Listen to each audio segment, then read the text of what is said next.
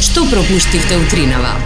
9 јуни утре официјално завршува учебната година за основците и средношколците, И да- барем можда- за оние кои што одеа на училиште. Па и за, мислиш за оние и за оние кои што не одеа на училиште кои што има онлайн настава утре завршува. М, Да, да. мада Она тоа не што го е сметам за многу одење на интересно е, училиште. мислам дека родителите се посрекни од децата. Зошто што ќе заврши учебната Конечно година? нема тестови. Да? Конечно нема ми падна конекцијата, се уклучи ли не се уклучи на час, отиде ли не отиде ли на час, носеше ли маска, дали си испотен, така натаму, така натаму, сега имаме три месеци раат.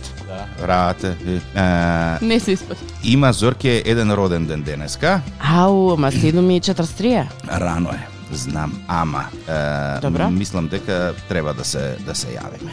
Кај вртиме? Е, вртиме кај вртиме кај, па вртиме кај човекот што е, е ај изненадување нека биде и за тебе.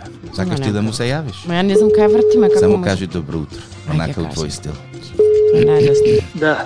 Добро утро. А, добро утро. А, Вам, чекај, знам кој е. Ја не знам кај се јавам. Тик так ми прави завери. Среќен роден ден. Среќен роден ден. Благодарам, благодарам. Веројатно ни треба да ти се представиме кој е на радио.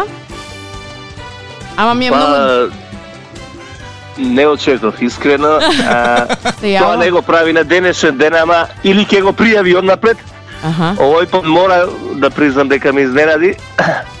Вика се во И мене немам на што да место. кажам. ош- Ја поима немам кај вртиме, ама сега ми стана јасно. Вртиме кај човекот што е одговорен за нашето соединување во суштина. Да. За кумот. А за кума. Добро, доволно е. Повеќе не мора да Е, објаснуваме. не, не, Така, да не, не. објаснувате тоа свие. Да, добро, нема да објаснуваме, нема да да да вадиме детали. Е па среќен роден ден, денеска чекаме се што следува со роден денот. Фала, фала, само што ја мислев после о, е, после 9 часот ги правите роденденските честитки, не очеков толку рано да знаев ќе го исклучев мобилниот, ама ете сега здрави. До Ме уловивте годината. ту, ме уловивте ептен рано. Ај ќе се договориме за ова пригодно кога ќе се видиме. До година. Во секој случај фала. Во Фала ви. секое време. Фала Ајде, ви за честитката, пријатна работа и се слушаме, се гледаме. фала, фала, поздрав и секое добро. Се си Благодарам. оригинален. Знам. Nije u redu radost da se krije Е, е, 7.45, ова е Радио 2. Добро утро.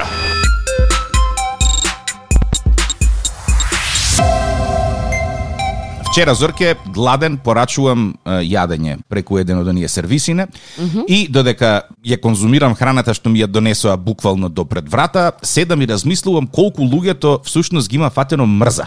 Изминативе с 5 до 7 години откако почна технологијава да се развива. Добро. Паси, порано, за да јадеш, требаше да отидеш на нива, евентуално, сам да си го одгледаш тоа што ќе го јадеш. Па потоа почна да се развива трговијата, па можеше да го купиш тоа што дома ќе си го подготвиш да го јадеш. Добра. Па луѓето ги фати мрза, па решија што ќе одам ја да купувам и да подготвувам дома, ќе одам да јадам во ресторан каде што некој друг ми ја подготвува храната. Држи вода. Па добро. тргнаа да одат во ресторани. Па потоа рекоа, што барам ја да одам во ресторан да јадам, кога ресторанот може дома да ми ја донесе храната. Па почна да се носи храна дома. Значи се помалку и помалку човекот мрда или прави нешто за да дојде до храна.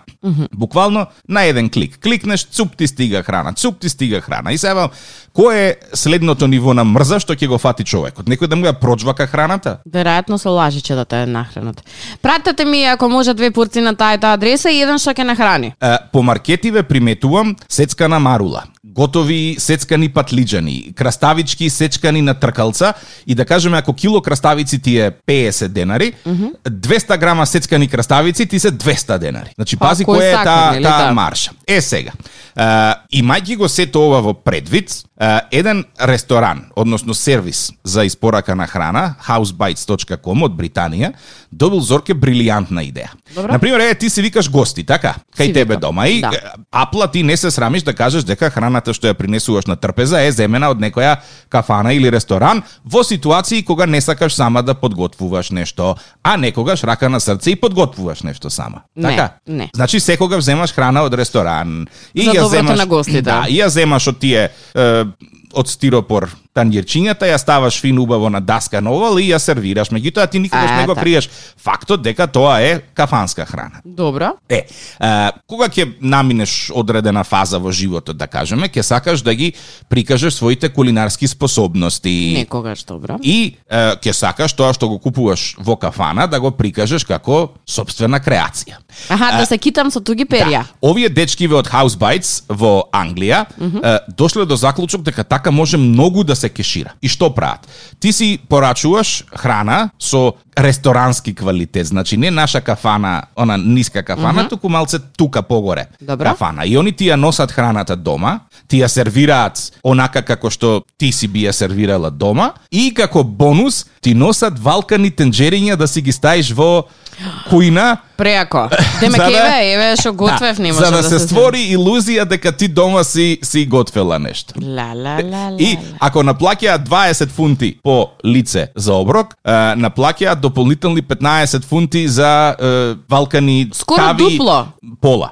Е, Чекај 20 само фунти за оброк по човек Добро. и 15 фунти по прљаво тенџере што сакаш да ти го донесат Аха, дома. по тенџере ги ги прават цените, добро? Да, да, да, значи сакаш да кажеме јас сакам две тенџериња и тава да ми донесете и ќе ти донесат некоја замастена тава и вака ќе ја стават негде на ачик на видно место Да за се да се види. каже еве во оваа тава јас Едно готвев. прашање, да. дали во услугата влегува и раскривање на маса, миење на т- тангери садови? Па најверојатно затоа што тоа се нивни, тоа е се нивен прибор, така да Треба не да гледам се го земе. причина зошто не би можеле да си го соберат назад и да си го Пра- раскренат. Тоа е многу добро. Многу, многу, многу добро. брилијантна идеја. Јас дури едно време кај нас размислував, затоа што знам дека има е, една многу висока класа на луѓе која што имаат многу мал процент од богатството, а всушност тоа се многу пари, да им нудиш услуга од типот е, дали сакате дома да ви дојде професионален готвач со негова или со ваша опрема и за вас и за вашите пријатели да подготвува одредено мени. Додека вие ти си уживате. викаш, да, ти си викаш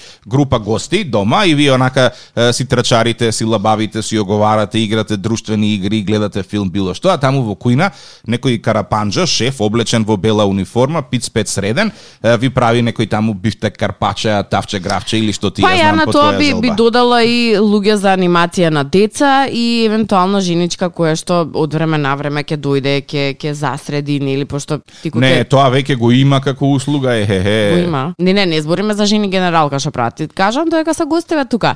А, ти сакаш комплетно да, да, ти бидеш... помогне, ама тоа се три различни луѓе. Ту, како не се родив кирка на некој председател, да речем. Така да Зорке, ако Убаво земеш звучи. да ги да ги анализираш овие вакви некои е, нишки, е, има тука потенцијал да се заработат многу Тоа пари. сакам да ти кажам дека луѓето стануваме многу лажни. Е, тоа па е Многу моментот што лажни. го чекав, Еве да. на пример, велиш кога доаѓам кај тебе ти признаваш дека купуваш храна од ресторан. Зошто да не признам? Едноставно не да може сите за седене бива. Кај нас дома сопругот готви совршено. Јас Да. не знам да готвам совршено. Јас Знам. можам да ти изведам флека на 365 начини. Пример, Да. некоја флека од од тепих еве да, трескам. или да загориш погачици. Или да загорам погачици. Едноставно не може сите да не бива за се. Да, дури Зорке ти толку лошо готвиш, што мислам дека и пудинг би упропастила. Зорка готви толку лошо, ова како како ние е, вицовите амерички. посветени на Ова, мајката, да. Така да, да, може да биде ова зорка, готви толку што слободно може да, да го продолжите муабетот. Немам јас проблем со Ако тоа. ако има добри е, добри идеи и сугестии, ќе направиме книга на Шаливки. најдобрите. Да. Не оди, значи кога му е на шефот роден ден, с не му е струја, се случуваат други некои такви елементарни Диско, пали непогоди. гаси. Да, мора да се денов што побрзо да заврши, за утре да се вратиме во е, нормала. Се случува. 8:22 е. Струјата се врати, интернетот ќе се врати кај да е. Ке, ке дојде. А, зборувавме на тема романтика и некако так ми се че. Да. Целова струја. Да, Да, Колку да. да. романтично беше без струја тие три минути. не, не беше. Вели романтичноста на подарокот, односно е, романтиката во подарокот меѓу жените, е, жените многу повеќе ја мерат преку вложениот труд и време. Добра. Но и според тоа колку подарокот е персонализиран, нели кога зборуваме за подарок или колку е, дејтот а, состанокот ајде на македонски, е, колку мажот вложил време и енергија во самиот состанок, во, Многу. во излегувањето. да Може речем. искрено да ти кажам, јас е, мислам дека ретко кој маж размислува за, за тоа да вложи во состанок. Тоа се оди зорке, се купува, се носи и толку. Е, така. Значи, кога станува збор за романтика, повеќето мажи, како и ти, сметаат дека врв на романтиката е скапоцен подарок или секси долна облека. А леле, дечки, ич не сме се разбрале. А многу е просто едноставно. Зошто? Не е поентата да бидеш ти романтичен купувајќи скап подарок. Можеме Така да е. си заштедам пари и Така сама да е, си го купам Гестот подарокот. е битен. Важен е гестот. Романтика може да биде шетање на дожд со чадар. Тука пари не ти требаат.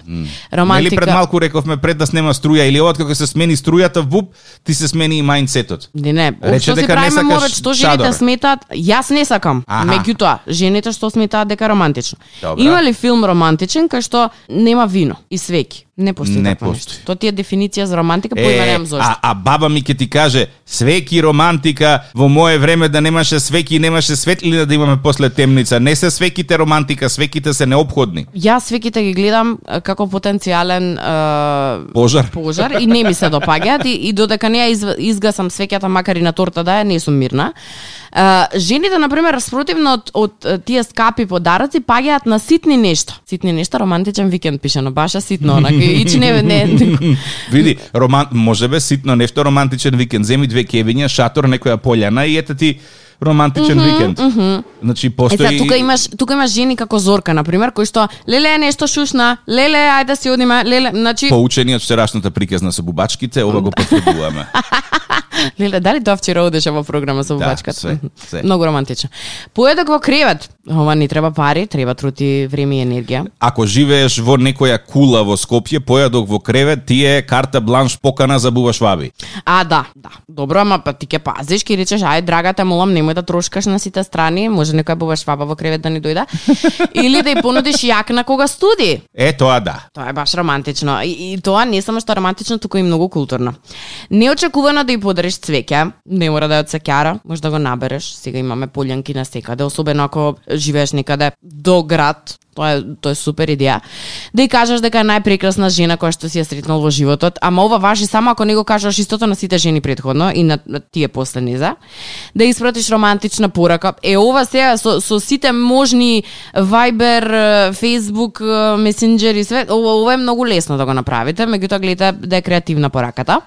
Да ја подготвите купка после напорен ден или да и ја снимите омилената песна. Да ја симнете, уствари, омилената песна. И ова е нешто што не бара многу е, пари, меѓутоа бара малку труд и енергија и може да бидеш апсолутно романтичен, на пример.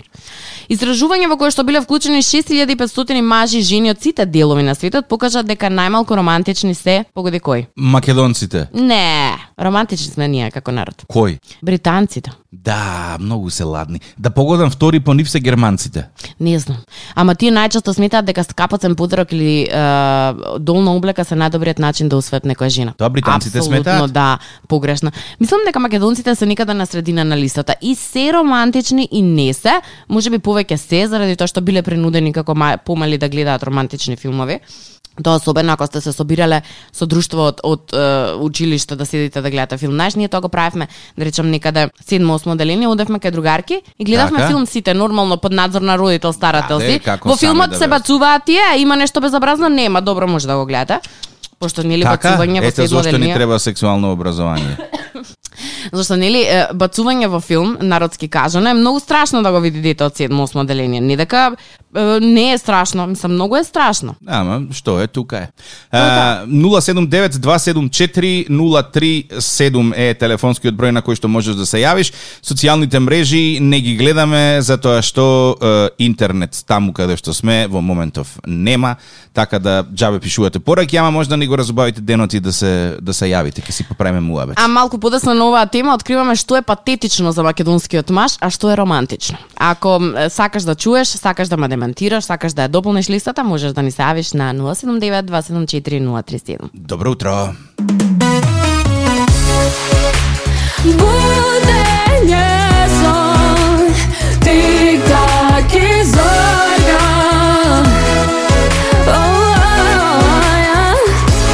Радио 2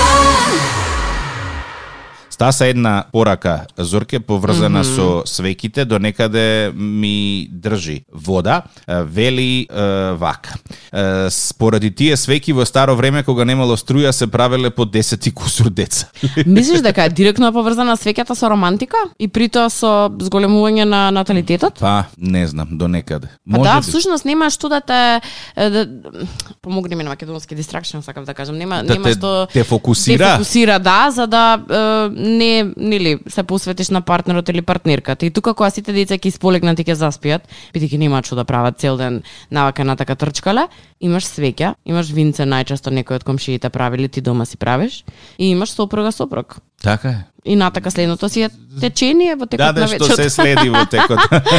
да, да, некако има логика, има логика. Е, што е патетично за македонските мажи? Сакаш предност да ти дадам да си кажеш што ти лежи на душа? што мене ми е патетично? Да, што не ти е романтично, него ти е онака веќе патетично. Е. Ружи. Па п- и мене ми е патетично ружи. Зошто мора да е ружа? Зошто не може Да. да, е кал? Зошто Или не може да е било кое... зумбул? Е, Во принцип цвеќе ми е патетично. Знаеш што? Е, сега Е, не с- до толку. с- Толку, толку е тоа цвеќе префорсирано, што во моментот кога маж ќе донесе цвеќе на жена, првото прашање е што си сгрешил сега. Или колку те кошташе ова? Или што си направил. Значи, цвеќето воопшто не е романтика, цвеќето е повод за прашањето што не е како што треба. Повод за кавга. Видиш цвеќе, знаеш дека нешто не е во ред. Што е патетично за македонските маши? Прослава на годишница. Е, Ова не очекував да го најдам на оваа листа. Зошто е патетично прослава за годишница? Не знам. Не ви е светост Ај, годишницата? Зорке, сега, ако знаеш, оние е, тинеджери уврска леле, денеска правиме една недела, денеска правиме две недели, денеска правиме три недели. Годишница, со години се мери. Веројатно се однесува на годишница од Зорке, брак. си ја имал 10, ќе ја имаш и 20 годишнина. Ау! Добра, среќа немам при рака со нешто со што да фрлам натака. Убава вечер, па потоа гледање филм. Зошто гледање филм ви е патетично? Не знам. Веројатно се мисли на гледање... Ве е, повикувам да се дообјасните. 079-274-037. Веројатно е, се мисли на гледање на филм романтичен, а тој романтичен филм у суштина знае многу проблеми да прави, особено ако го гледаш со партнер Да, партнер. ќе ти створи нереални Еј, очекувања за романтиката. Види во овој што филмот. и прави е. на филмот, а ти, кај си бе ти да ми донесеш вака поедок во кревет, кај си? Така легендата вели дека и некои е, скопски лопужи е, сакале да опљачкаат банка и рекле абе види на филм како ја плячкаат банкава, ние Многу е не сме лесно. кадри да го направиме тоа. Добро утро. Добро утро. Повели. Јас јас мислам вака дека имам решение за тоа со соружите. На пример, зошто наместо ружа цвеќе, на пример, патлизонче у саксија, рецимо, или шери домачија, и сите срекни, ем жената не добила цвеќе, ем мужот си има за салата и готово, завршена работа. Ова е многу Сакаше- добро. Ова е многу добро, особено ако го издекорираш онака баш да изгледа како подарок. Да, да, да, и еве да не е патлизон, еве шери, пошто тие поубаво изгледаат малце, нели? Шери е добро и чили многу убаво изгледаат во саксија, да ти Е, е, кажам. да, За да, да, крва ги ми има, растат знам. нагоре, нели? Да, да, да, да, да, да, да. ете. И сите срекни и весели, и жената задоволна, и мажот. Со- Ем не е стандардно, ем ќе биде срекна баш украсено. тоа, Ова се, е нели, многу добро и оригинално, со порака на него чувај го како нашата љубов. кино. Ете. Демеко нака пече на очи, многу е љута, ама чувај го како нашата љубов. Многу ми се допаѓа идејата, добра идеја. Фала ти многу. Чао. Слушате ли мажи, еве ви некој оригинален кој што се сетил на ова. Јас се надевам дека ќе се јави жената после некое време и ќе каже да, маш ми се врати дома со шери патлиџанче. Што друго е, е патетично за македонскиот маж? Заеднички курс, курс по танц. Ме, ја, ја поише се смеам на лапсусот, отколку на танцот. Добро. Добро, следно. Се случува. Е, Љубовни писма, што демек не сте пишувале љубовни писма? Е, не, сега дај да дефинираме. Љубовни писма или оние еротски... Не, не, не. Еротски си се еротски, тоа е на страна си. Дали некогаш во живот си, си добила или си напишала љубовно писмо? Да. Младони, Да. сериозно? И сум добила и сум напишала. И сум добила многу љубовни писма. Сериозно? заради тоа што Кога е, и се, од- се обидуваш да држиш некоја врска на далечина, си ограничен со интернет, потребата да си Ги напишеш чуваш се. уште? Ги, ги чувам. Не се писма, писма класични, него се љубовни мејлови.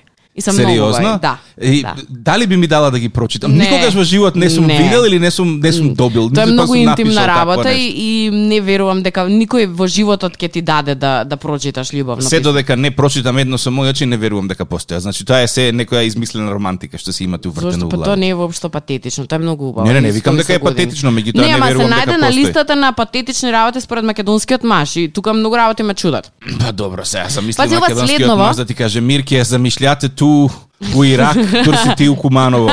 Фалиш ми и ти и та гужва на улицу тамо. И тоа е романтично за некоја година кога ќе го читаш, ќе се присетиш на моментот, ќе се чуеш стварно човеков е, решил да да одвои време да ми пише. Е, следно што се најде на листата што е патетично е, ова ми е многу чудно. Смирување со секс. Зошто ви е патетично? Кога ќе се скараме следно треба да си свртиме грб и да се заспиеме и да не збориме 4 дена? Не бе, тоа е исто кога си нервозен одиш и играш една партија тенис. Истото е. Не се согласувам со тоа. Па и јас. Скапоцен парфем, да, кога ќе те удри по џепич не е е, романтично, него баш е патетично, особено ако го утнеш парфемот. Е тука патетиката е на највисоко Да. ниво.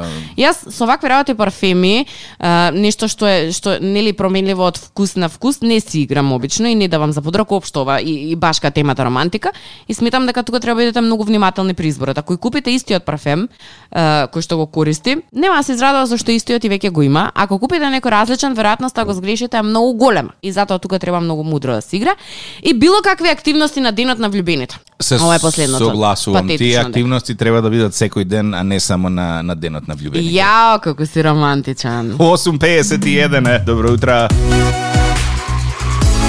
Radio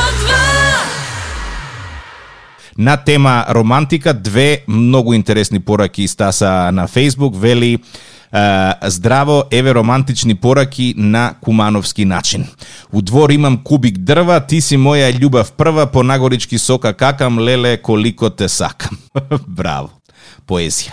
Роден ден и за денеска е, два